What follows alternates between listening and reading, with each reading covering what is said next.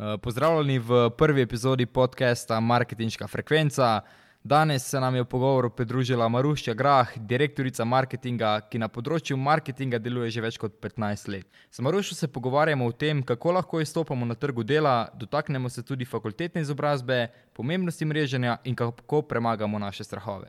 Zdaj, če boste iz današnje epizode dobili kaj velja, bi ful cenili, če lajkate in um, komentirate naš podcast, ker sam tako lahko dosežemo večjo število mladih in jih opolnomočimo z znanjem. Z vami smo Filip in David, uživajte. Danes se nam je pridružila ena zelo zanimiva gostja, ki jo boste imeli čas spoznavati v naslednji uri in pol. Uh, torej, z nami je Maruša Grah, um, zelo nadobudna ženska, um, polna izkušenj, znanja. Um, Hvala. Zdaj, z, prosim. Um, pa bi te mogoče najprej prosil kot prvo vprašanje, da se mogoče našim gostom uh, malenkost predstaviš, da te malo spoznajo, da dobijo občutek, um, kdo si, kaj te veseli. Um, tako čisto na kratko, po občutku. Z veseljem. Um, ja, uh, trenutno zelo aktivna članica upravnega odbora Društva za marketing Slovenije, uh, hkrati vodja marketinga v enem mednarodnem manjšem agilnem podjetju, ki se ukvarja z uh, rešitvami za preprečevanje zlorab za telekomunikacijske operaterje. Tako fino, mlado, zagonsko okolje. Um, drugače pa že 17 let mislim, da uh, navdušena nad vsem, kar je povezano s komunikacijami, uh, predvsem s tržnimi, zato se pač s tem tudi največ ukvarjam. Um, me je pa pot vodila vse od agencijskih okolij do nekih manjših okolij, pa potem do uh, multinacionalnega regionalnega okolja, kjer sem skrbela za dve večji spletni blagovni znamki. Um, tako da v bistvu znam. Uh, oziroma, sem na svoji poti srečala že vse, od tega, da sem mogla pobirati smeti ob dveh zjutraj po nekem dogodku, ki smo ga organizirali, do tega, da sem pač mogla narediti troletni strateški plan za dve blagovni znamki skupaj z budžetom. Uh, in to je v bistvu tisto, kar ti potem lahko da največ, ne? ker imaš tako hands-on uh, izkušnje, kot pa tudi tiste, da znaš gledati z ptiče perspektive na zadeve. Um, se pravi, mogoče si rekel, da imaš 17 let izkušenj um, na zelo različnih področjih. Kaj je recimo bila mogoče neka tvoja strast, nek tvoj drive, ki te je vodil čez vse to, da nisi nikoli odnehala iskati nekih novih uh, priložnosti, novi, novega znanja? Uh, predvsem to, da sem, uh, tako kot verjetno velika večina ali pa en velik, pretežni del tistih, ki se odločijo za, za kariero v komunikologiji ali pa v marketingu, jaz sem kar nekaj časa iskala tisto, kar bi me najbolj veselilo. Jaz sem vedela približno, v čem sem dobra. Uh, vedela sem, da znam recimo zelo dobro pisno ustvarjati, pa da mi grejo kreative, kar dobro od rok, da verjetno nikoli ne bom računovodja, čeprav mi tudi Excelove tabele niso bile tuje. Uh, ampak zares, potem, kasneje, skozi vseh teh 17 let, sem pa v bistvu največjo strast našla v tem, um, ko sem začela voditi svojo, svoj prvi oddelek marketinga oziroma svojo prvo resno ekipo.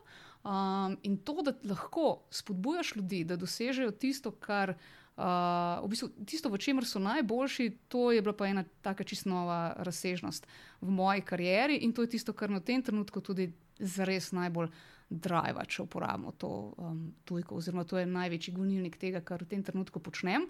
Um, zelo, zelo, zelo je to zanimivo tudi, ko se dela z mladimi, recimo to, kar počnemo danes tukaj. Um, če lahko nekoga opolnomočiš za to da uh, je boljši, kot je bil prej, je to eno tako zelo lepo poslanstvo, pa k temu seveda ne pristopam arogantno ali pa pokroviteljsko. Ne? Se pravi, če sem lahko katalizator, sem potem verjetno najbolj srečna. Aha, se pravi, razumem, potem nekako mentorstvo ti zdaj predstavlja kot nek, um, se pravi, ja, ta tvoj glavni drive, kako bi rekel. No? Še posebej za mlade. Torej. Um, ja, mentorstvo je ena tako zelo uh, široka kategorija. Um, in niti podrazno se ne bi upala trditi, um, da sem jaz usvojila vse znanje tega sveta in zato lahko mentoriram ljudi okrog sebe. Uh, ampak um, imam pa eno, vsaj tako sem spoznala na svoji karierni poti, imam pa eno kvaliteto, da lahko v drugih prebudim nek potencial, um, ki ga potem lahko sami peljejo naprej. Um, in to je ena takih zadev, ki je v bistvu lahko zelo lepa stvar, če se ukvarjaš z ljudmi. Je pa marketing v bistvu zelo primerno področje za to, ker marketingaši ali pa recimo tisti, ki smo nekoliko bolj orientirani v tržne komunikacije ali pa komunikacijo na splošno, um, smo v bistvu inherentno opremljeni za povezovanje. Kaj to pomeni? To pomeni, da imamo svojo družboslovno širino, pa tukaj sploh ne mislim, da ima to negativno konotacijo, uh, s, katero smo, s katero se zmoremo spopadati, pa ne samo spopadati, ampak tudi navigirati v kompleksnosti, v širini. Um, in tako lahko povezujemo različne poslovne funkcije v podjetju, lahko povezujemo različne um, oddelke med sabo, različne ljudi med sabo, um, in smo zato bolje opremljeni kot katerikoli drugi. Kot katerakoli druga funkcija, ki jo srečate pač v nekem poslovnem okolju. Ne? In z tega vidika je potem uh, to, da lahko opolnomočiš ljudi, da so visoko učinkoviti, še to lepše. Um, ok, super, no, hvala ti za tale kratek uvod, no, mogoče tudi od tebe. Uh, pa se mi zdi, da smo zdaj eh, na taki zelo dobri odskočni deski za našo prvo temo in sicer um, si omenila um, opolnomočenje mladih, mogoče na začetku svoje karierne poti. Uh, Uh, pa bi malo navezali na začetek tvoje karierne poti, mm. se pravi, kot študentka, še um, recimo mi na tej strani smo mogoče zdaj bolj um, na tej strani, no pa tudi naši poslušalci, sigurno. Um, pa Ja, no, okay, ja. če, okay, če se dotaknemo še začetka tvoje um, rekel, kariere, no, začetku kariere, ja. če pogledamo nazaj na študijska leta, kaj bi si mhm. ti opisala, kaj bi opisala Marušu v študentskih letih, kaj bi rekla za njo? Uf, jaz sem študirala komunikologijo na FDW, to najprej treba povedati. Um, Kako bi se opisala takrat? Uh, verjetno, da tako nekoliko uh, neokročeno in ne brzano, brzdano, ampak hkrati absolutno premalo proaktivno. Uh -huh. uh, zato, da bi lahko izkoristila študij v celoti, pa čeprav sem ga kar nekje do, kar v dobri meri. Um, Predvsem sem, um, sem bila dokaj vesela, da sem se na koncu odločila za študij komunikologije. Uh, uh, ker sem se tam precej našla. Uh, predtem sem vela seveda veliko drugih izletov. V tretjem letniku srednje šole sem bila pripričana, da bom študirala scenaristiko na AGRFT-ju, potem sem šla na informativni dan, kjer so me učinkovito prepričali, da to ni dobra ideja. Um, ker sem imela zelo dobrega profesorja geografije, sem bila pripričana, da bi mogoče bila tudi geografija lahko za me, ne, ker je to predmet, ki mi je šel zelo dobro drug. Pa sem šla potem na informativni dan na Filofax, kjer so me učinkovito prepričali, da to ni bila dobra ideja. Um, Pa vmes, mislim, da je bil še en izlet v to, da bi lahko bila meteorolog. Uh, potem so mi povedali, da je to na študiju fizike, uh, ker sem imela same vrhunske. Na rekovajih profesorja fizike v svoji izobrazbeni karieri um, sem absolutno uh, se sama odvrnila od te ideje, čeprav mogoče je bilo to Recimo, to je bila ena od takih obžalovanj, ne, sigurno bi naredila tisto fiziko. Uh, no, kakorkoli. In potem se spomnim, da sem sedela v srednji šoli, v knjižnici na naši gimnaziji, s tisto rumeno knjigo, v kateri so bili opisani vsi študiji in vse fakultete, in mhm. listala dobesedno pokazalo, ker nekaj mi bo verjetno spregovorilo. In tako sem našla komunikologijo.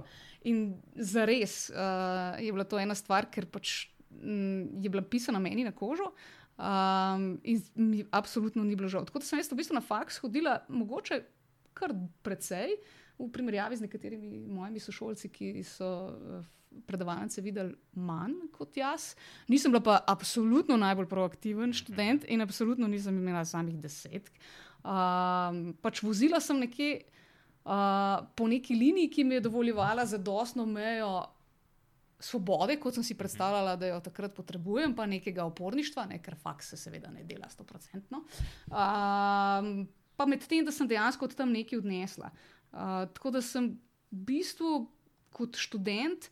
Um, zelo sem izkoristila študentske leta, pa ne samo za zabavo, ampak uh, zato, da sem se pravzaprav iskala, da sem delala na nekih različnih projektih. Nisem bila toliko v študentskih društvih ali pa v nekih uh, recimo organizacijah znotraj fakultete, uh, sem pa zelo veliko poskušala delati različnih stvari. Od tega, da sem bila glasbeni novinar do tega, da sem uh, svojo prvo službo, tako redno študentsko, dobila na tedanjem pristop klipingu, ker sem bila v, v medijskih analizah. Um, mislim, da sem bila takrat verjetno.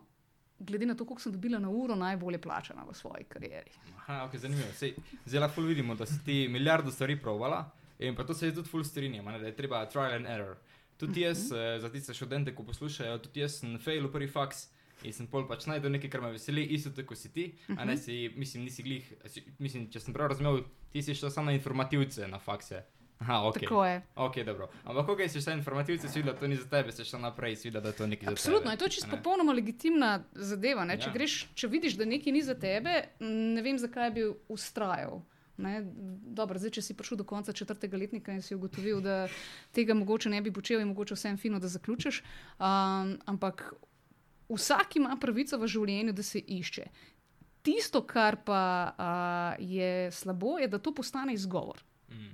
Ne? Se pravi, da je uh, ne aktivnost ali pa neke vrste letargičnost v smislu karijere ali pa nekega poslanstva v življenju, ki ga želiš z delom upravljati, um, pogojeno s tem, da si rečeš, ah, saj se vsi iščemo. Mm. Ne? In potem ne pristopiš proaktivno k tem, uh, kaj ti leži, v čem si dober, uh, zakaj te lahko plačajo Mhm, in tako. Ne?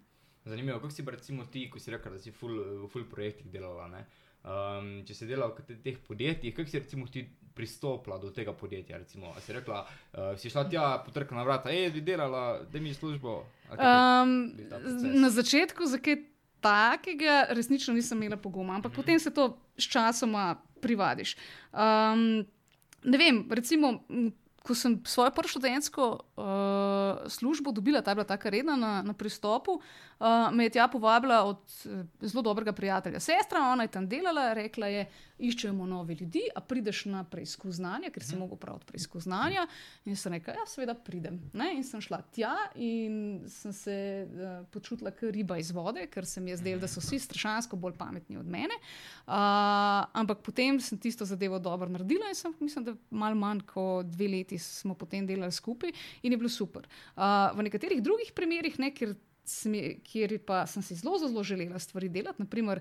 V glavo sem si zapičila, da bom pisala članke o glasbi, ker takrat me je to strašansko zanimalo.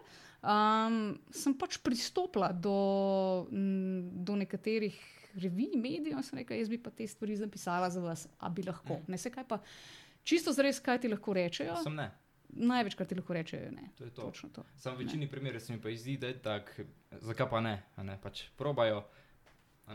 Sam tako se mi zdi, ajš, tako si rekla, eh, pač da, da si pristopila. Mm. -hmm. To se mi zdi, da ful mladih dan danes si ne upa, ker pač se ful boj- bojijo za vrnitve. a ne. Ampak s tem, ko ti dejansko to narediš, pa še enkrat probaš, še enkrat probaš, je vedno lažje. Tako si rekla, na začetku si se pač nekaj bala narediti, Mhm. -huh. pa je ful lažje postalo. Ne. Mislim, samo omejevalno vedenje je ena stvar, ki nam lahko zelo škodi. Ne? Ker to je ena taka deterministična uh, drža, kjer rečemo, itak je vse odločeno vnaprej. Mm. Tisti, ki so imeli večjo srečo ali pa večje priložnosti, ali pa ne vem, so imeli.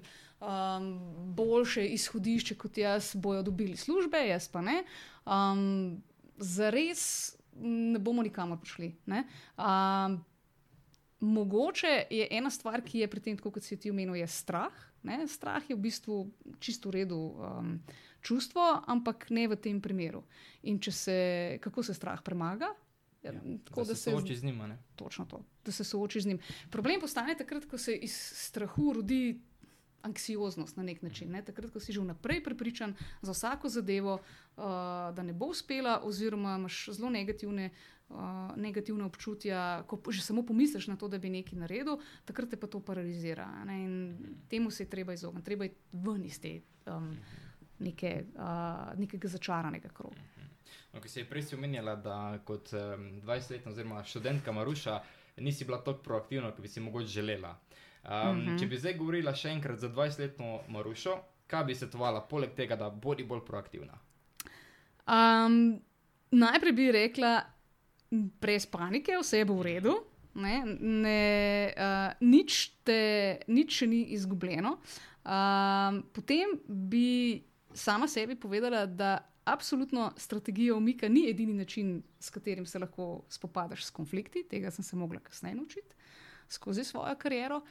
Ne, ker ko je prihajalo, zdi se mi, da tudi naša izobrazbena struktura nas ne opremi za, za, za spopadanje s konflikti. Tako da to, če imamo v karakterju ali v nekih osebnostnih odlikah, super, če pa ne, se pa moramo tega naučiti.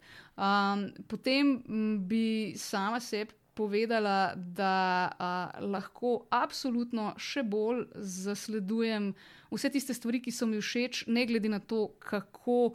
Uh, Niso izgledali perspektivne v nekem določenem trenutku, uh, pa najverjetneje bi si rekla, da včasih ni slabo, če izstopaš.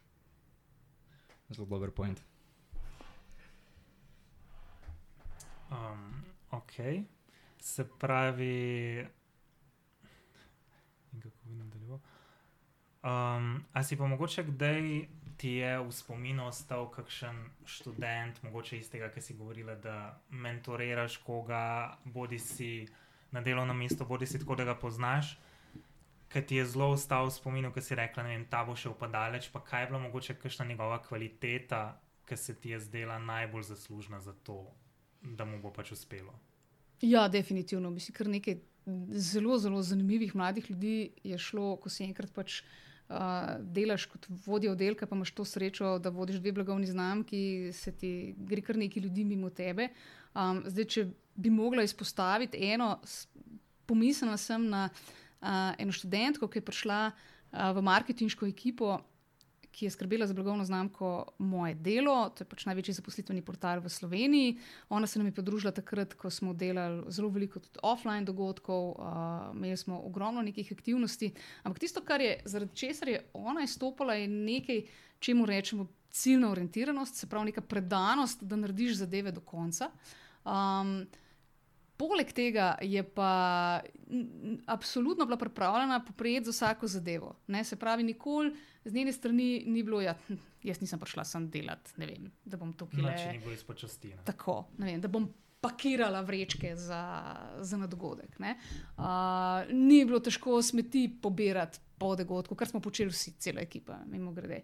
Um, poleg tega je bilo pa tisto, kar je mogoče tudi, tako, če se spomnim nazaj, zelo odlikovalo je pa to, da je znala oblikovati in argumentirati svoje mnenje in da ga je tudi povedala, seveda na spoštljiv način, ne, ne glede na to, kdo je bil nasproti njej, to vodja oddelka, direktor ali pa pač nekdo, ki je bil tudi študent. Um, in zakaj kot vodja oddelka iščeš uh, take stvari v, v ljudeh, s katerimi delaš? Zato, ker zares iščeš to motivacijo, ta drive. Absolutno ne moreš pričakovati, da bodo vsi vse vedeli in da bodo vsi se znali. Tudi jaz vsega ne vem in jaz vsega ne znam. Ne?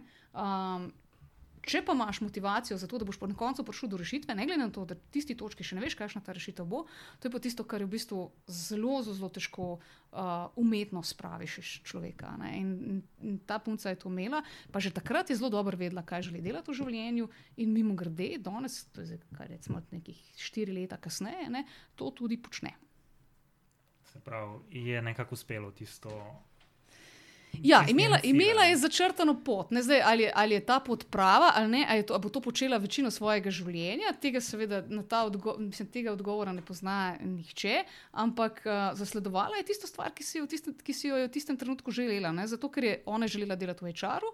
Um, zato je bilo tudi zelo smotrno, da je v bistvu šla v marketinški oddelek največjega zaposlitvenega portala, ne? ker je lahko pridobila kontakte, izkušnje in tako naprej. Um, in danes dela v eni od največjih kadrovskih agencij uh, v regiji, zelo uspešno. Se pravi, v bistvu po eni strani bi lahko rekel, da se je obneslo, ker je imela ta nek cilj, ker se mi zdi, da mogoče veliko mladih, v, ko so na njenem mestu, pač tega nimajo in pol je težko, a veš, se odločiti, v katero smer pelati svojo kariero. Ker nisi še 100%, pač ne bi se dal 100% v noč, in potem na koncu zelo lahko postaneš malo pasiven, pa nočeš nikamor iti, kamor se ti ne splača, če veš, kaj mislim. Razumem vprašanje. Um, razumem, odkje prihaja vprašanje, ampak zares je pa uh, ne, to, da poizkušaš in se s tem učiš, boljša strategija kot to, da razmišljaš, če se vse ne bi počel. Če se me vpraša, to je moje osebno mnenje. Um, nič hudega ni jaz sem eklatanten in odličen primer tega, da na znotraj študija oziroma tekom študija še nisem vedela, kaj bom sama s sabo počela. Jaz sem tako kot sem rekla, sem pripričana, da bom glasbeni novinar nekaj časa. Ne? Um, ampak nisem danes in tudi mi ni žal, da nisem. Uh, vsak se lahko išče. Ne? Pravzaprav je zelo dobro, da se iščeš ljudi, ki danes vedo, kaj bodo tekom svojega življenja skozi svojo kariero počeli. In mislim, da je zelo, zelo, zelo malo takih, ki imajo zelo natančno, premočrtno začrtano in to je to. Um, tisto, kar je pomembno, je, da konstantno raziskuješ, v čem si dober, kaj te veseli. Uh, kaj od tega je nekaj, kar trg potrebuje, ne, to je zelo pomembna komponenta, zakaj me lahko plačajo. Uh, in potem, da tudi malo spoznavaš, kaj pa pravzaprav danes na trgu je tisto, kar je, kar je v največji, mislim, kar, kje, po čemer je največje popraševanje. Um, in če se lahko nekako najdeš s svojimi odlikami, svojimi veščinami, svojimi kompetencami znotraj tega. Ker v bistvu trg dela je zares ena zelo velika ženitna posredovalnica, oziroma pač neko, nek servis za parčkanje. Ne? In če to razumeš, Uh, ena napaka, ki jo lahko narediš, je to, da vstopiš, recimo po končani fakulteti ali pa še prej, na trg dela in rečeš, nekdo mi je dolžen službo. Nihče ti ni dolžen službe, ne? ti sam si odgovoren za svojo karjerno pot. Se pravi, uh, moraš pa razumeti, da na tisti strani nekdo, ki ponuja delo, s tem zadovoljuje neko svojo potrebo, hoče rešiti problem. Ne? In če ti znaš opredeliti, vedeti, kakšen ta problem je, potem tudi znaš odgovoriti na vprašanje, ali lahko ti s svojim naborom znanj ta problem rešuješ. Če je odgovor ne, potem za Boga ne se prijavljati na tako delovno mesto. Ne? Ker boš, če se ti slučajno zgodi, da boš končal v takem podjetju, boš končal v okolju, kjer ne želiš biti. Ne? Se pravi, imaš popolnoma vso priložnost, tako kot vsi ostali, da se najdeš, tudi če to narediš kasneje kot nekdo drug. Um, ampak s tem si daš možnost, da boš počel stvari, zaradi katerih ne boš imel občutka, da hodiš na delo. Zares. Uh, je pa zelo, zelo, tukaj pa zelo, zelo pomembna proaktivnost, ker zares ti nihče ne more povedati, o čem si dober. Ne? To moraš ugotoviti. Sem dodam za poslušalce, eh, prej je Maruša govorila um, o tem, eh, zakaj si lahko plačan um, in to, to je Ikigai, japonska metoda, če si to želi malo bolj podrobno pogledati. Um, kaj bi pa ti rekla, da je pri iskanju prve zaposlitve mogoče neka največja napaka, ki naredijo študenti, ki recimo končajo faks?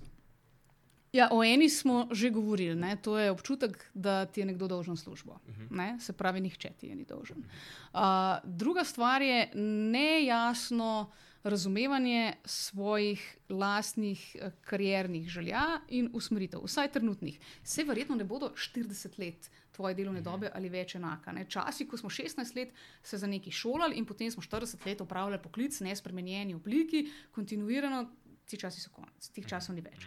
Uh, danes lahko obstaja, oziroma čez pet let lahko obstaja nek poklic ali pa neko delovno mesto, ki ga danes še ni. Um, se pravi, nič ni izgubljeno. Tudi če si na koncu, koncu štiri leta študiral nekaj, kar ugotoviš, da zares ni zate, ampak to ti je dalo neke štiri leta podlage za nekaj. Ne? Um, tako tako se moramo danes razvijati v smeri multidisciplinarnosti, se pravi, da pač tistemu poglobljenemu znanju, ki smo ga dobili, dodajamo še neka horizontalna, dodatna, komplementarna znanja, zato ker bomo s tem lažje zadovoljevali potrebe, ki so ali na trgu dela, ali pa pač uh, znotraj nekih gospodarskih uh, entitet. Uh, napaka, ki bi recimo če, če imamo že marketinški podcast, ne napaka, ki jo lahko naredimo tudi v targetiranju. Vsi razumemo, kaj targetiranje je. Um, če izbereš pravo ciljno skupino za svoje sporočilo, si verjetno bistveno bolj uspešen, kot pa če to sporočilo pršiš na široko vsem. Vse poprek, kdorkoli te hoče poslušati. Kaj to pomeni?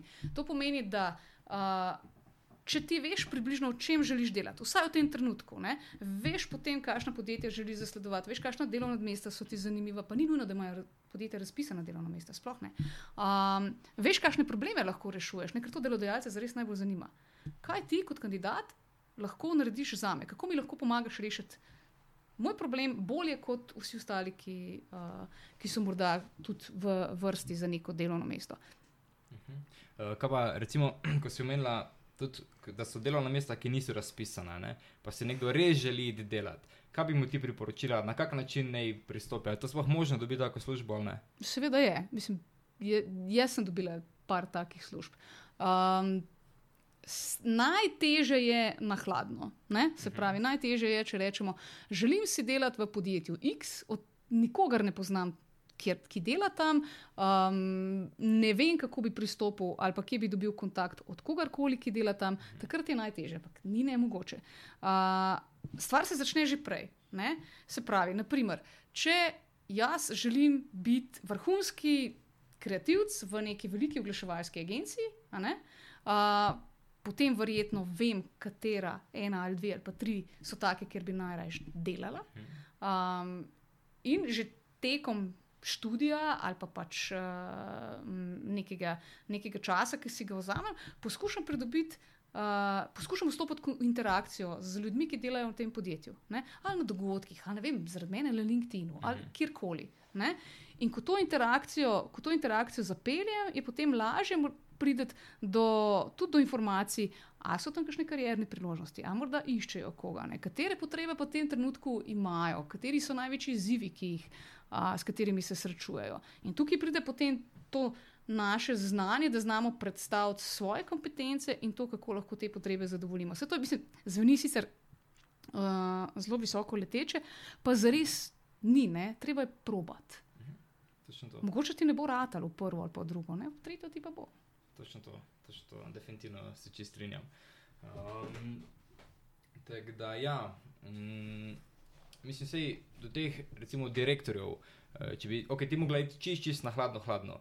Bi ti, kaj, poiskala direktorja na LinkedInu, pa kar direktorju pisala, ali bi HR menedžerju ali To vsem? je, to je ena od možnosti. Malo moš narediti, nekaj raziskovanja je verjetno potrebnega. a ne. Če, recimo, če je to izredno veliko podjetje, sistem, potem verjetno direktor uh, ali pa general manager ni tisti, ki odloča o rekrutmentu. Ne? Če je to neko manjše podjetje, ima ne vem, um, zagonsko ali pa ima vem, tam do 20-25 ljudi, se pa zna zgoditi, da je v bistvu direktor tisti, ki je, ki je odločevalec. Ne? Se pravi, Zares je naloga ta, da poiščeš nekoga, ki bi lahko znal biti odločevalec v tem okolju, v katerega želiš priti. To je lahko direktor, to je lahko vodja HR-a, to je lahko vem, vodja oddelka, za katerega se zanimaš. Zares je zelo odvisno. Ne? In potem imaš na voljo od vem, različnih um, dogodkov, če lahko srečaš te ljudi tam. Če govorimo o marketinških krogih, ne, Društvo za marketing Slovenije je odličen način, da nekoga spoznaš. Da spoznaš marketinške direktorje zelo, velike, zelo velikega deleža slovenskih podjetij. Ne. Tam so na dogodku, prideš tja, se predstaviš. Mislim, pojest, pojedu te ne bo nihče. Ne. Um, ja, lahko mu pišeš na LinkedIn-u, lahko uh, v končni fazi lahko pošlješ nek svoj portfolio uh, nekomu na mail in rečeš: Jaz vem, da v tem trenutku nimate nobenih prostih delovnih mest, ampak želim, da si me zapomnite. Ne? In pol, če razumeš, še, da to verjetno naredi deset drugih ljudi poleg tebe, lahko razmišljaš to, kako bo tvoj portfolio izstopal. Jaz sem nekoč, že nekaj let nazaj, na eno razpisano delovno mesto dobila prošlo, kjer je en zelo uh, fin fante posnel video, pa nihče ni od njega to zahteval. Uh, posnel video, samo promocijski video, ki ga je predstavil kot kandidata. In je bilo, mislim, na račun tega videa, ne na račun CV-ja, ker je imel premalo izkušenj, je absolutno dobil razgovor. Okay, torej, Znajdi se. tu, ja, tako, unko bolj zna izstopati, tistega se bo prej videlo. Ne? Točno, točno tako. Um, ja, se potem se mi pa zdi, da pač spet sem zaokrožimo do tega, da si je treba upati, ne? pač stopiti iz cone obdobja, kar smo Absolutno. že prej rekli, največ, kar, oziroma najmanj, kar ti lahko rečejo, je ne. In če te pač sam to ustavi, da ti nikoli niti ne probaš, um, si že takrat nekako zgubo. No? Um, tako da, kako pa zdaj mogoče, kakšen je tvoj pogled na fakultetno izobrazbo? Se pravi, prej smo se že pogovarjali, študirala si komunikologijo na um, fakulteti za družbene vede, potem tudi na ekonomski fakulteti nadaljevala študij. A pa se ti zdi, da je to nujno pomembno, zato da dobiš recimo nek poklic, ki, ki si ga želiš? Študiranje na fakulteti? Tako je. Ne, absolutno ne. Zakaj ne? Zato, ker je stvari, ki jih lahko počnemo v življenju, zelo veliko. Če zelo plastično a, to ponazoriva. Če želim imeti uspešno mizarsko podjetje, Ne? Verjetno lahko si izberem srednjo šolo, ki mi bo dala potrebno specifično praktično znanje, in po tej srednji šoli je bistveno boljše, da grem nabirati izkušnje in delati. In potem, čez nekaj časa, morda to svoje znanje dopolnim s študijem poslovnih ved ali kaj podobnega, ne? Kot pa da grem zdaj še za štiri leta na neko fakulteto. Recimo. Druga, čist drugi, na drugem koncu spektra imamo ne vem, nekoga, ki želi biti uh, najboljši raziskovalec na univerzi uh, in se ukvarjati z uh, akademskim raziskovalnim delom.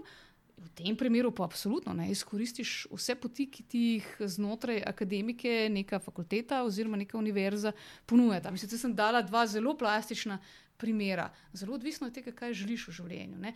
Bi pa tako kot, vem, pod črto, moj nasvet zdaj, po, po teh 17 letih, bil, da uh, absolutno ne študirati samo zaradi tega, da študiraš. Ja. Uh, ko greš na dodiplomsko raven nekaj študirati, je ena stvar. Ampak se mi zdi, da je bolonski sistem prinesel ravno obraten učinek kot tistega, za katerega je bil namenjen. In sicer ta, da zdaj vsi študirajo še kakšno leto dlje, kot je, zares, uh, kot je, bila, kot je bil zares namen tega. Ne? Namen bolonskega študija je bil, da bi prej opremil študente, mlade ljudi, zato da vstopijo na trg dela in da začnejo proaktivno prispevati, kjerkoli že. Uh, in danes, ko sem, vem, ko sem uh, rekrutirala za svoj oddelek, sem zelo velikokrat naletela na študente, uh, ki sem jih vprašala, kaj pa delaš, bolonski magisterij, super, zakaj pa, ja, ne vem. Ne? To je bil, ja, zato ker pač to je naslednja stvar. Um, do diplomska raven je neki, podiplomska raven ti pa lahko uh, koristi, oziroma bistveno bolj koristi takrat, ko zelo dobro veš, kaj želiš z njo narediti. Se pravi, uh, ko, oziroma tako, moj nasvet bi bil, ne smete si dopustiti, da ne izkoristite vsega, kar vam izobrazba ponuja kar pomeni, uh, prej, čim prej dobivati konkretne izkušnje, praktične, praktične izkušnje in potem to dopolnjevati z vem, dodiplomsko ravnjo, ko boš zelo natančno vedel, kaj ti, bo, kaj ti bo statisti dve plus leti prinesli in kako boš to uporabil v svoji karieri, ali pa v svoji službi, ali pa pri naslednjem kariernem koraku. Um, torej, mogoče bi se strinjala, zdaj, če trdim, da v bistvu faks, še, pro, še posebej potem magistrski študij, mogoče um, nekako zahteva manj proaktivnosti od študentov, kot recimo, če, če se podaš na lastno pot, ker vseeno te nekako vodi skozi ta proces delno. Uh -huh. um, in zaradi tega, mogoče, kot si rekla, eni študirajo samo zato, ker študirajo. Um, Zdaj ti bom dala tak družboslovni odgovor, da in ne. No, Zares, ne, zares je, je, je tako. Če ti veš ob koncu do diplomske ravni, točno, kaj boš s tema dvema dodatnima leta, uh, letoma uh, naredil, kako ti, bosta, uh, kako ti bosta pomagala do nečesa ali pa do tiste ravni, do, kateri, na, do katere želiš priti v karieri, ali pa do službe, ali pa do česar koli, super. Podpišem, kadarkoli. Mm, pojdi študirati. Ne? Če pa to samo odlog tvoje odločitve, kaj bi sam sabo počel, to se mi pa ne zdi v redu. Oziroma, to se mi pa zares ne zdi smotrno, ker te na drugi strani prehitevajo vsi tisti, ki bodo dve leti ne študirali. Uh, pa s tem, da študijem ni nič narobe, ampak nekdo, ki bo praktično nabiral izkušnje in bo, uh, ko se bo prijavil za ista delovna mesta kot ti, čez dve leti, bo on prišel z dvema letoma izkušenj, ti pa z magistrsko izobrazbo. In to je vse. Um, ne glede na to, kako dolgo študiraš, pametno je, da ob študiju počneš še kakšne druge stvari. Ne? Ker sam študij, tako kot sami veste, vam ne more dati vseh praktičnih izkušenj, ki jih vi potrebujete. Zato, ker študij je tam, zato da vam preda vse znanje, ki je potrjeno, ki je dognano do neke mere. Ne? Uh, Nekaj prakse vam sicer že dajo, ampak potem od tukaj naprej je pa v bistvu na vas, oziroma na odgovornost vsakega posameznika, da pogleda, kaj pa jaz lahko s tem znanjem naredim, ne? ki pa se še lahko aktiviram, kaj pa še, pri katerih projektih pa še lahko sodelujem. Ker čisto za res, mislim, če hočemo biti popolnoma vulgarna, tako banalno vulgarna, so to vse postavke v vašem CV-ju. Se pravi, uh, več kot jih imaš, pa to ni nujno, da so redne delovne obveznosti, več kot jih imaš, bolj si bogat s svojimi kompetencami in svojimi izkušnjami, in lažje prideš, lažje si odpiraš priložnosti.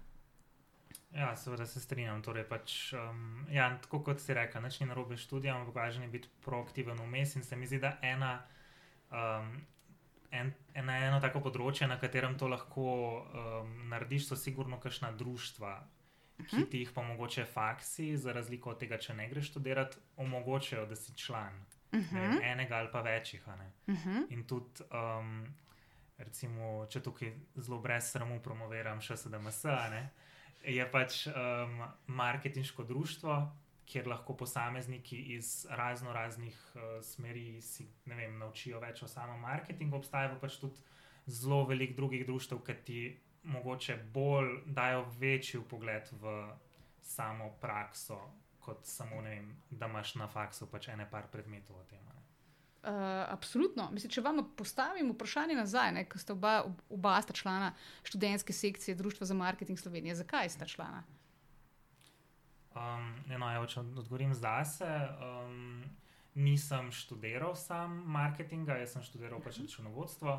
Učlanil sem se pa zato, ker sem hotel spoznati marketing, ampak nisem hotel iti, ne vem, upisati se na to smer, ampak sem hotel mogoče oboje hkrati. To je to. Dobiti več upogleda v neki. Če Bravo. bi me to zanimalo, če se v čem najdem. Odlično. Ja, Zdaj pa še, še moj pogled dam. Uh, moj primarni namen je bil pa predvsem networking, a ne? um, ker se zavedam, da pač se v takih društvih um, bolj gibljajo, bolj taki, okay, proaktivni, predvsem proaktivni, pa ambiciozni posamezniki. In pač eh, jaz sem šel v to društvo predvsem zaradi tega, da pač take ljudi spoznamo, a ne? da imam možnost spoznati. In se mi zdi, da je tako zdaj v študentskih letih je ful pomembno, da se predvsem fokusiramo na ta network, ker kar si zdaj zgradimo, pol obrodi sadove v prihodnosti. Ne? Pa bi še tebe vprašal, a se tebi tu zdi to neka, nek ključni aspekt um, študentskih let, da se pač full networkaš? Je to, Abs absolutno. Mislim, pa, če razumeva mreženje v tem pozitivnem smislu. Ne? Um, nekateri imajo do mreženja, mreženje razumejo v neki negativni konotaciji, kot pač sklepanje vez in poznanstev, ki ti potem na nek uh, blago koruptiven način uh, pomagajo do prosperitete v življenju. Ampak zares je uh, mreženje oziroma število interakcij, ki jih imaš z različnimi ljudmi, je vse gre v tvojo kompetenčno malho. Um, iz katere potem črpaš, tako kot si sam rekel, kasneje. Ne? Vsi ti ljudje, ki jih srečuješ na svoji študentski poti, bodo najverjetneje um, prekrižali svoje poti s tvojo tudi kasneje v karieri. Ne? In to je ena taka, mislim, zelo, zelo, to je ena zelo velika bližnica do morebitnih sodelovanj, do morebitnih, ne vem, ponudb za delo, do česar koli. Če ne drugega, um, naletiš na neko oviro, um, veš, da imaš tam seznam desetih ljudi, ki delajo na približno istem področju kot ti, in lahko dvigneš telefon in pokličeš, rečeš, lepo poslušaj, vse se me spomniš iz faksa, nisva se slišala že štiri leta, ampak le jaz imam tle en problem, a mi ga pomagaš rešiti. Ne? To dejansko lahko narediš. Um, zato so društva in kakršno koli dodatno uh, ukvarjanje zelo, zelo, zelo uh, v bistvu dobrodošla. Pa še ena zadeva. ne. Um, če vaj vprašam, uh, kaj je bolje? Ne? Ali to, da čakaš, se to je retorično vprašanje, to, da čakaš, da ti priložnost pade v naročje, a to, da si jih ustvarjaš sam. da si stvariš sam, mislim, to je. Absolutno, se Ja. zato pa je bilo retorično vprašanje. Ne? Se pravi, vsaka, vsak dodaten kontakt ali pa neka interakcija v tvoji mreži je še ena lovka ali pa še en trg, ki, jo- ki ga ti vržeš, zato ne, da si boš nekoč iz tega ustvaril priložnost. In če tako na to gledaš, potem to ne more biti aktivnost, ki ima negativno konotacijo. Preko si rekla, um, ok, si to je bilo tako teoretično rečeno.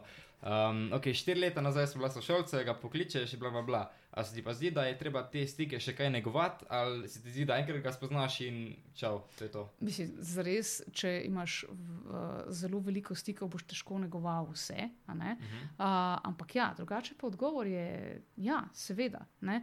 Um, včasih lahko, mislim, živimo v, v dobi družbenih omrežij. ne. Mislim, zares ohraniti stike ni zelo težko. Um, pa ne gre samo za, za, vem, za, za omrežja, lahko v končni fazi tekom študijske poti ne, se srečaš z nekom na dogodku, uh, imaš eno dobro debato, m, si izmenjata kontakt ali pa ne, pa ga čez pol leta srečaš spet na enem dogodku, kaj lahko narediš. Ja, pristopiš do tega človeka in rečeš, o, živijo. Ej, pol leta nazaj smo imeli ful dobro debato. Um, a lahko imamo še eno, ne? to je zdaj zvenelo nekoliko korno. Ampak dejansko, um, jaz sem imela ene boljših, uh, ene boljših interakcij in ene bolj takih povezovalnih momentov, ko smo bili na kakšnem od teh večjih marketinških dogodkov, ki v Sloveniji uh, obstajajo v letnem koledarju, kot recimo vem, Slovenska marketinška konferenca. Uh, pa smo sedeli v avli hotela Bernardin, čisto tako na ključno, se nas je našel pet, uh, tam na nekih foteljih in smo potem do.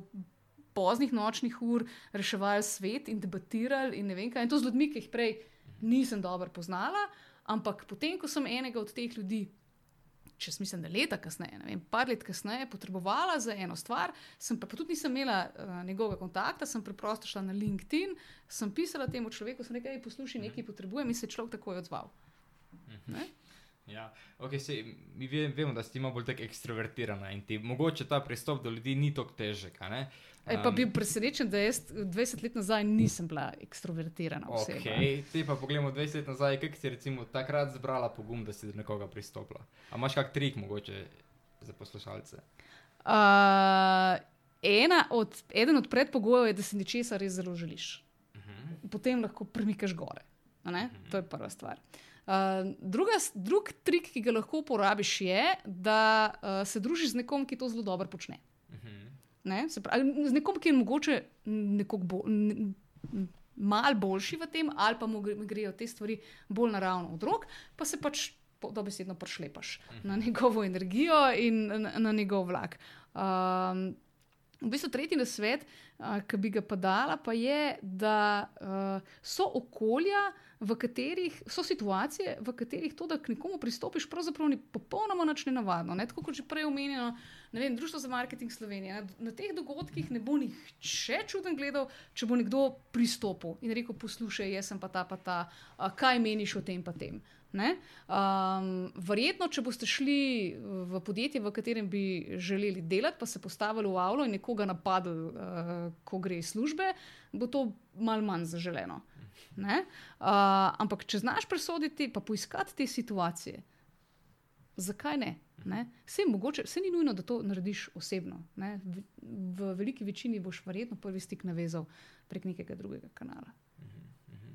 Zdaj, mo mogoče sam um, jaz svoj osebni input dam. Um, recimo, če je nekoga nek, recimo, strah pristopiti do neke osebe. Ne?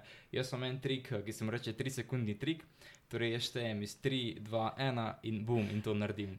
Um, in to, to bi ful priporočil tistim, ki se morda bojite takih stvari dela, da greste na internet, se malo pozanimate o tem, ker pač meni je ful pomagal to trik. Mm. In zdaj sem se toliko natreniral, da niti, mislim, da niti enkrat še nisem spalil tega. Prav. Uh, ko sem rekel 3, 2, 1, bum. Odlično. Začel sem tega, da sem se recimo začel 3, 2, 1, pa mrzla voda. Z nekimi takimi malimi stvarmi in polje pač šlo naprej. In pač eh, se mi zdi, da se ti možgani prilagodijo na to, eh, da rečeš bum. Ja, Odlično. Pa, zdaj, ko si to rekel, še ena stvar, ki jo lahko narediš je to, če, če, ti, je, če ti je hudo, pa če imaš eh, izrazito tremo, pa res, res, res se ne bi izpostavljal. Mislim, dva dela mojstra. Lahko pač se doma, ko si v zasebnosti svoje sobe ali pa svojega stanovanja, si lahko dobesedno uh, odigraš eno tako situacijo. Uh, v svoji glavi, parkrat, petkrat, desetkrat, pa potem ugotoviš, ne, da zares ne more biti čist nič hudega. To je tudi eden od takih trikov, s katerimi si lahko pomagaš. Mene je v bistvu zelo zanimivo to, kar si prej rekel, da če si nečesar res preveč ne želiš, da lahko premikaš gore. A lahko mogoče... Obratno, če si nečesa res želiš, premikaš. A ja, jaz sem mogoče malo narobe za to. Jaz ja, sem pa ne, v bistvu. um, jaz sem v bistvu mogoče razumel, kot to, da če si ničesar ne želiš spet tako velik, nimaš takšnih pričakovanj in zaradi tega. Aha, uh... Zaradi tega si upaš spoh probat, si v glavi že prej ne zapreš nobene možnosti. Tudi to bi verjetno šlo. Sicer, mo, moja misel je bila, da takrat, ko si nečesa res, Aha. res, res želiš, uh, potem si verjetno pripravljen premikati gore. Je pa, res, je pa res, da takrat, ko sam sebi ne zadaš nekega strašnega pričakovanja, ali pa um, ne vem, uh, nekega, neke hud, nekega hudega upanja, da, je zdaj, da če ti pa ta zadeva, ki si, si jo zadal, ne uspe, je pa konec sveta in potem greš samo še v joki na hruško uh, ali pa pač delati za. Trakom v neko tovarno. Um, se pa strinjam ne, s tem delom, da um, včasih imamo eno tako, en tak samoinduciran stres, uh, ki nas potem paralizira. Uh, in tega se je fino ogniti, če se le da. Um, ja, seveda se strinjam. No. Da, da pač ne pride do tiste neke tesnobe povezane s tem. Mm. Potem pa res. Um, Si spohnaš, ne upaš. No? Mislim, iz vlastnih izkušenj nekako vem. Da, pa sigurno tudi mnogi, ki to poslušajo na začetku, ki si pač ne upaš. In... Je, to je povezano z, z cono obdobja, ne, o kateri smo nek, nekaj nazaj malo spregovorili. Cona obdobja je v bistvu res psihološka komponenta, ki je popolnoma običajna. V coni obdobja smo takrat, ko so zadovoljene naše potrebe. Uh, in ni slabo, da smo v coni obdobja. Tisto, kar uh, ko, kdaj cona, cona obdobja postane uh, za nas uh, neugodna, je takrat, ko smo v njej predolgo časa. In ko smo že nekaj časa v coni obdobja, ta cona obdobja, ne, če recimo si sposodam. Um, besede Aleksandra za dela, uh, postaja vedno manjša. Ko smo dolgo časa v njej, postane status quo in tista stvar, ki nam je prej predstavljala strašansko ugodje, nam zdaj ne predstavlja več strašanskega ugodja. Um, zato na drugi strani obstaja, oziroma na drugi strani obstaja cona bolečine, ko naše potrebe niso zadovoljene, vmes je pa ena zelo pomembna cona, ki se reče cona treninga. In vsak človek, ki je kolikor toliko odgovoren do sebe, po pameti vstopa oziroma se premika iz cone obdobja v cono treninga.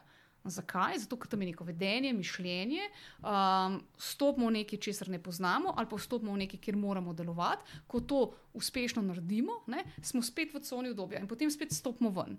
In to počnemo. Če to počnemo proaktivno, se nam v bistvu ne zgodi, da postanemo letargični, leni in da se tam uh, dobesedno uh, zabudimo v nek svoj kokonček in potem ne znamo več ven. Um, cona obdobja je popolnoma funkcionalna stvar, za res pa jo najboljše povečujemo tako, da iz nje konstantno stopamo v cono treninga. Ne? Tako, mal. Um, mislim, se na to bi zdaj v bistvu lahko gledali, kot tudi uh, tak primer zaposlitve. Ne? Ti se nekje zaposliš, stopiš v to cono treninga, uh mhm. -huh. vse ti je novo, um, uh -huh. začenjaš pač te stvari, vse ti je nekako zanimivo, po, potem pa nekako zapadeš v tisto rutino, pa recimo, da imaš plačo, kot je to v redu, te pa to delo mogoče ne veseli najbolj, da bi rad to delal. Um, hkrati pač si želiš nekaj novega, ampak si nekako ne upaš, zato ker kaj pa če bom tam dolgo nižjo plačo, kaj pa če ne bom znal narediti um, te pa te pa te stvari. Uh mhm. -huh. Mislim, verjetno je ena od stvari, ki te lahko zelo ovirajo v življenju, so kaj pa če uh, napovedi. Ne, kaj pa če ne bom, kaj pa če mi ne rata, kaj pa če bo slabš kot je zdaj, pa mogoče ne bi rukal čovna, v katerem sem. Ampak ravno to je to. Um, najverjetneje ne bo nihče od nas opravljal istega dela 30, 40, 50 let. To je prva stvar. Uh, druga stvar je, ko si enkrat, ko dosežeš neko raven, ko recimo vse naloge znotraj nekega delovnega mesta ali pa, pač neke pozicije, kjer si opravljaš že skoraj da rutinizirano. In ne vidiš več izziva, več, ne veseliš se, ko se zjutraj usedeš v avto ali pa na kolo, pa se odpeleš v službo, um, potem je čas, da nekaj spremeniš. Ne? In spet, kdo je odgovoren za to, da uh, imaš ti primerne izzive v svojem življenju? Ne? Ti ali tvoj delodajalec? Mislim, deloma sicer oba, ampak zares je, se meni zdi, da je to. Tvoja odgovornost. Ne? In takrat moraš vedeti, kaj je tista stvar, ki je naslednja kaj želim, kaj želim delati s tem, kje želim, ali želim več odgovornosti, želim delati eno drugo stvar, želim iti ven iz tega podjetja. Ja, strah je vedno prisoten, ne? ampak če ne probaš, ne veš. Ja, seveda, če ne probaš, pač ostaneš tam, ker si in se lahko sam pritožuješ. To je pa vse mi zdi, da nam vsem to znano. Mislim, tukaj se dotaknemo, um, hm, dotaknemo se pojmov proaktivnosti in odgovornosti. Um, Kdaj smo najbolj zadovoljni v življenju? Takrat, ko so načeloma, ko, ko nam gre fajn, ko so neke naše potrebe, tiste, ki jih imamo, zadovoljene. Ne?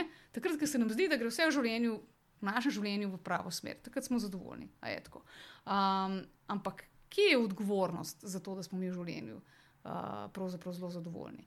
Uh, verjetno ne na naših starših, pa verjetno ne na faksu, pa verjetno ne na državi, ki nam ni dolžna slediti službe, pa ne vem česa še, uh, ampak na nas samih. Ne? In če si tukaj malo sposodva, mislim, meni so recimo neki psihološke teme zelo ljube. Ena od teorij je teorija izbire, ki pravi, da si v bistvu edino, edino vedenje, ki ga zares lahko kontroliraš v življenju, je tvoje lastno vedenje. Ne? In ti si izbereš svoje, uh, svoje dejanja, ti si izbereš svoje mišljenje in preko tega zadovoljuješ svoje potrebe. In odgovornost za to, da jih nosiš ti sam. In potem, če narediva povratno zanko nazaj k proaktivnosti, a kako boš lažje zadovoljeval svoje potrebe? Tako da boš proaktivno zadovoljeval, a tako da boš pač pustil, da te nese tok življenja, levo in desno, od enega brega k drugemu, in pač um, boš vzel tisto, kar ti ta tok prinese. In se spet retorično vprašanje. Ja, ja, proaktivno, seveda. Če, če kdo ni ujel. um, ampak drugače pa. Že prej, um, bolj na začetku, se mi zdi, smo omenjali uh, tole mentorstvo, sicer takrat bolj strani tega, da ti mentoriraš druge, A pa si mogoče pa ti na svoji karjerni poti um, naletela na kakšnega mentorja, mentorico, ki ti je res, ki so ti ostalo spominu, ki so ti res, ne, ne vem, dal nekaj več. Um, da... Ja, seveda sem. Jaz sem imela veliko srečo, da, da, da, da sem naletela, ali pa da, so, da se je moja pot prekrižala s kar nekaj takimi ljudmi. Um, in moj nasvet bi bil, da ko srečaš nekoga, lahko, za katerega imaš občutek, da ti lahko veliko da, uh, poskušaj to na pač spoštljiv način izkoristiti. Ne? Oziroma, um, izkoristiti je mogoče malo negativna beseda. Um, jaz sem. Uh, V nekje v zgodnjem, oziroma na začetkih svoje kariere, uh, sem delala takrat na regionalni uh, izpostavi uh, MTV-ja, ki se je imenoval MTV Adria v oddelku za odnose z javnostmi, in me je takratna vodja prodaje, ki je še danes moja zelo dobra prijateljica in jo tudi zelo cenim, me je povezala z enimi svojimi kolegi, ki so imeli manjše zagonsko podjetje, hoteli so. Uh, izposojati DVD-je prek spleta, ne, to je bilo še pred on-demandom in vsemi temi stvarmi. Um, in so potrebovali nekoga, ki bi jim naredil komunikacijsko strategijo ob uh, lansiranju blagovne znamke.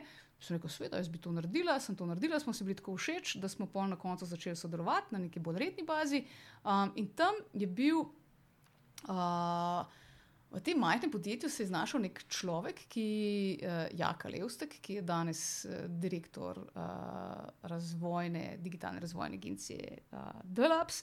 Uh, on je bil vodja uh, komuniciranja in jaz sem bila vodja projektov v komuniciranju. In jaz sem se od tega človeka neverjetno veliko naučila, predvsem takih zelo praktičnih, um, sicer daljnosežnih, pa takih zelo praktičnih stvari povezanih z, z področjem PR-a, ki, ki mi jih fakulteta ni dala. Um, zelo se pa spomnim, da uh, sem enkrat, ne vem, ne, ne vem, kako je že bilo, ampak mislim, da je. Uh, nekdo, nekje v enem mediju so objavili eno uh, slabo oziroma negativno stvar o nas, in jaz sem prišla do Jaka in sem rekla: Jaka, imamo velik problem. Uh, In on me je pogledal in rekel: Maruša, velik problem bo imela, ko se bo naše korporativno letalo zaletelo v našo korporativno stolpnico, do takrat imamo pa samo izzive. Uh, in, je, in me je naučil tega, da nobena stvar ni zares tako zelo. Uh, preteča, kot na začetku zgleda. Uh, poleg tega je imel pa en tak zelo prefinjen občutek za komuniciranje z različnimi javnostmi in me je naučil določenih fineskih, ki jih verjetno uh, ki se jih pač še danes imam v svojem arzenalu, um, in bi brez njega ali pa njegovega mentoriranja, ki za res ni bilo tako formalno mentoriranje, um, bi verjetno do njih bistveno dlje hodila kot sem. Se pač v takem primeru, po mojem, ko imaš ti mogoče na nekem področju dosti manj znanja, izkušen kot nekdo drug, res ni nič narobe s tem, da ga pač, kot si rekla, če citiram, spoštljivo izkoristiš. Absolutno. Ker mislim, za res uh, ne poznam veliko ljudi, ki, ki bi bili popolnoma a priori proti temu, da nekomu pomagajo. Ne?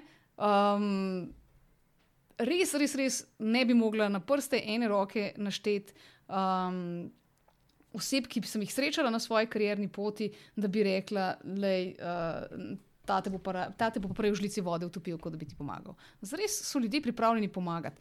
Um, če sprašuješ, če vidijo, da, pač, da, da, da imaš zagon, motivacijo, da želiš s tem nekaj narediti, da želiš ti biti boljši, da želiš napredovati s pomočjo uh, njihovega inputa. Ne vem, zakaj bi ti rekli ne. Ja, če se pa najde kdo, ki ti reče ne, pa rečeš v redu, kdo je naslednji. Ne? Tako je. Pa tudi najverjetneje oni pač sami so bili enkrat na tvojem mestu, točno vejo, kako je in iz tega vidika še, ra, še rajš pomagajo. Ne? Absolutno. Ker vejo, kako bi recimo oni takrat si želeli, da bi njim nekdo nekaj razložil. Ne? Absolutno. Um, dobro, zdaj se pa tako že pri, približujemo koncu našega prvega podcasta. Pa, ko si prej omenjala tisto um, zelo proaktivno punco, eh, ko se je spomniš, a ne, ko si rekla, da, da je bila zelo ciljno usmerjena. Ja, Pa, če se mogoče še dotaknemo zdaj še pos- postavljanja ciljev, um, kaj bi ti rekla, na kaj moramo paziti, ko si mi cilje postavljamo? Kaj so tisti največje pasti? lastne karierne cilje. Ja. Uh, huh, verjetno uh, velja enako, kot velja za katere koli druge cilje. ne, In sicer to, da um, si postavimo cilje, ki so do neke mere izzivalni, vendar pa dosegljivi. Se pravi, če si že cilj postaviš izredno nizko, uh, pa recimo, da ga ne dosežeš v stotih odstotkih, potem si prišel na nekaj odstotkov manj kot zelo nizko. Um, to je ena stvar. Druga stvar pa je, da si uh, pri tem v bistvu zelo operativen. ne. Uh, če danes, če rečeš, čez tri leta želim biti direktor ne vem, nekega večjega podjetja ali pa direktor marketinga v nekem večjem podjetju, pa si na začetku svoje karierne poti, to ni ravno zelo um, dosegljiv cilj. Ne? Um, Moš biti pa seveda tudi zelo, če me vprašate, zelo nežen do sebe, v tem smislu, da uh, si dovoliš, da včasih tudi spivotiraš stran od svojih ciljev, ker ne, bližnjice ali pa pač neke stranpoti te včasih pripeljejo nekam, kjer uh, ugotoviš, da je bistveno bolje kot tam, kamor si želel priti na začetku. Uh, tako da postavljanje ciljev, absolutno, predvsem to, da si zamisliš. To vprašanje, ki ga boste na razgovorih zelo pogosto srečali, kje želiš biti čez tri leta, pet let. Ne? Um, in če ti, recimo, spet plastično, če se ti prijaviš za delovno mesto medijskega načrtovalca v neki agenciji, ti pa jim razlagaš potem v odgovoru na vprašanje, kje si želiš biti čez tri leta, da hočeš biti art direktor. Ja, Potem, verjetno, ne, um, ti bojo rekli, poslušaj, ne bi se potem ti raje usmeril v, v neko kreativo ali pa nekaj drugega. Um, ampak cilje je fino imeti, pa ne zato, da jih dosežemo, ampak zato, da se po njih ravnamo, da jih poskušamo doseči, pa pa lahko včasih tudi spivotiramo kam levo ali pa desno. To je res. Mislim, pa, a pa si zagovornica tega, da si postavimo recimo en cilj za pet let, ali je treba te cilje mogoče bolj strukturirati na recimo eno leto, mesečno, tedensko. To je v bistvu zares je odvisno od velikosti cilja, ki si ga zastavimo. ne. Um, jaz bi imel en tak deduktiven pristop pri tem in rekel, da um, fino je, če si na začetku svoje karierne poti, fino je, da se vprašaš, res, hm, kaj pa bi jaz smatral, da, um, oziroma kateri so tisti kriteriji, zaradi katerih bom sklepal, da sem čez tri leta uspešen. Ne? Uh, in, kako lahko, in kako lahko potem pridem do teh stvari. Uh, ali pa um, kaj v bistvu želim v življenju početi nekje na krovni ravni, um, pa potem tega, potem iz tega izvedeš neke korake. Ne? Se pravi, um, fino je, da si v doseganju nekega cilja postaviš posamezne umestne stopnje, ker tako si boš tudi zres razdelal, um, kako lahko pot, ki te bo vodila k doseganju tega cilja. Ne? Um, spet, če zelo ponazorimo, želim biti. V roku desetih let želim biti marketinških podjetij, marketinški direktor v nekem srednjem velikem podjetju, ki se ukvarja z visoko tehnologijo. Super, kako bom pa do tja prišel, um, kje bom začel, koga moram, koga, katere veze moram imeti, oziroma katera poznanstva, katera znanja moram imeti, kje lahko začnem delati, v kakšnih, kakšna podjetja me bodo pripeljala do tja, um, kakšnih dogodkov se moram udeleževati. In ko si potem te umestne stopnje postaviš, um, lahko tudi zelo hitro ugotoviš, ali je tista zadeva uh, dosegljiva, ali mogoče uh, absolutno preveč ambiciozna, ali premalo ambiciozna. Um, potem je pa tudi fino, da se pač vseh svojih zadev ne držiš kot pijanc plota, po domače povedano, ker včasih, tako kot že prej rečeno, te bo kakšna stran pot odpeljala nekam, kjer, kjer je popolnoma nepričakovano, ampak uh, bistveno bolj zadovoljujoče, kot si si mislil na začetku. Okay, torej, um, cilji so ful pomembni. Da, če mogoče zaokrožim ta podcast, pa zaključim z eno mislijo glede ciljev. Če ne vemo, kam bi radi šli, tja nikoli ne bomo prišli. A bi se strinjala s to trditvijo, Maruša?